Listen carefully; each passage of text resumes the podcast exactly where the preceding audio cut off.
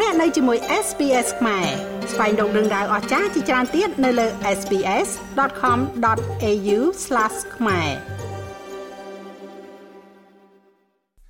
ដំណើរការប្រឡងបាក់ឌុបនៅក្នុងប្រទេសកម្ពុជារយៈពេល2ថ្ងៃនៅថ្ងៃទី6ថ្ងៃទី7ខែវិច្ឆិកាឆ្នាំ2023 បានបិទបញ្ចប់ដោយក្រសួងអប់រំប្រកាសថាគោរពតាមគោលការណ៍ច្បាប់យុតិធម៌ដំណាភិបនិងលទ្ធផលទទួលយកបានក្នុងនោះបេក្ខជនអវត្តមានសរុបចំនួន2328នាក់ដែលមានស្ត្រី934នាក់ស្មើនឹង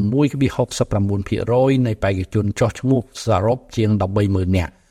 ក្នុងរយៈពេល2ថ្ងៃមកនេះក៏មានបេក្ខជនមានបញ្ហាសុខភាព85ករណីនិងមិនអាចបន្តការប្រឡងបានចំនួន5ករណីក្រសួងអប់រំបានប្រកាសថានៅតាមបណ្ដាមណ្ឌលប្រឡងនីមួយៗនៅក្នុងប្រទេសកម្ពុជារយៈពេល2ថ្ងៃមកនេះមានដំណើរការល្អមានសភាពស្ងប់ស្ងាត់និងរបៀបរៀបរយល្អព្រមទាំងបានអនុវត្តតាមសេចក្តីណែនាំរបស់ក្រសួងអប់រំយុវជននិងកីឡា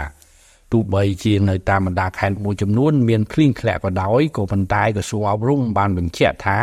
มันបានប៉ះពាល់ដល់ដំណើរការសំណេររបស់បេក្ខជនឡើយក្នុងនោះបេក្ខជនបានគោរពបទបញ្ញត្តិនៃការប្រឡងបានយ៉ាងល្អស្ទើរតែពុំមាននាំមកជាប់ខ្លួននៅសំណៅឯកសារនិងឧបករណ៍ហាមឃាត់បេក្ខជនប្រព្រឹត្តកំហុសឆ្គងគឺមានតែមួយករណីគត់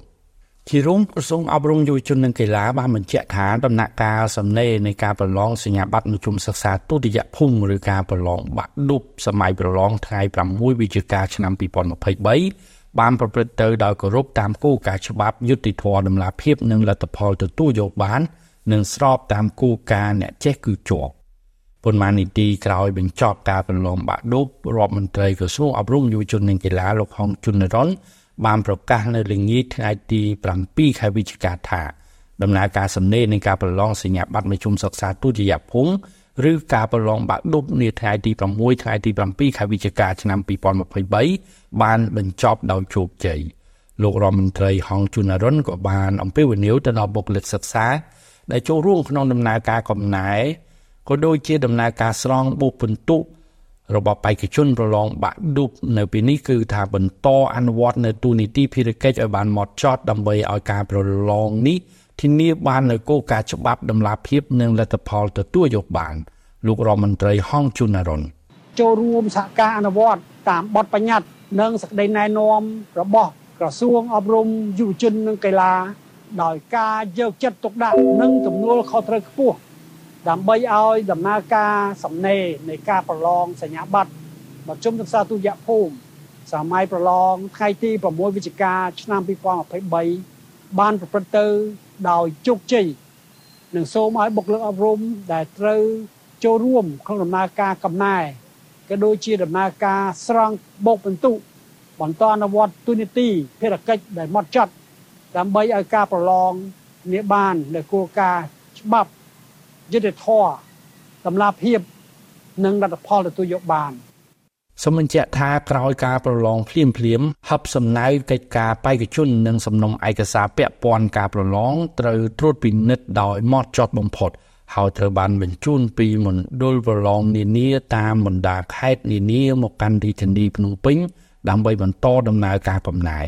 តាមការគ្រោងទុកលទ្ធផលប្រឡងបាក់ឌុបនឹងត្រូវប្រកាសនៅតាមមណ្ឌលប្រឡងក្នុងរាជធានីភ្នំពេញនិងខេត្តកណ្ដាលនៅរសៀលថ្ងៃទី27ខែវិច្ឆិកាឆ្នាំ2023និងនៅតាមមណ្ឌលប្រឡងនៅក្នុងខេត្តផ្សេងទៀតនាថ្ងៃទី28ខែវិច្ឆិកាឆ្នាំ2023លទ្ធផលប្រឡងបាក់ឌុបក៏នឹងត្រូវក្រសួងអប់រំប្រកាសផ្សព្វផ្សាយតាមបណ្ដាញទំនាក់ទំនងសង្គម Facebook ផ្លូវការរបស់ក្រសួងអប់រំយុវជននិងកីឡា ដែលមានថៃដ្ឋាន MOEYS Cambodia ខ្ញុំបាទមេងផល្លា SBS ខ្មែររាយការណ៍ពីរាជធានីភ្នំពេញចង់ស្ដាប់រឿងរ៉ាវបែបនេះបន្ថែមទៀតទេ ស្ដាប់នៅលើ Apple Podcast Google Podcast Spotify ឬកម្មវិធីដទៃទៀតដែលលោកអ្នកមាន។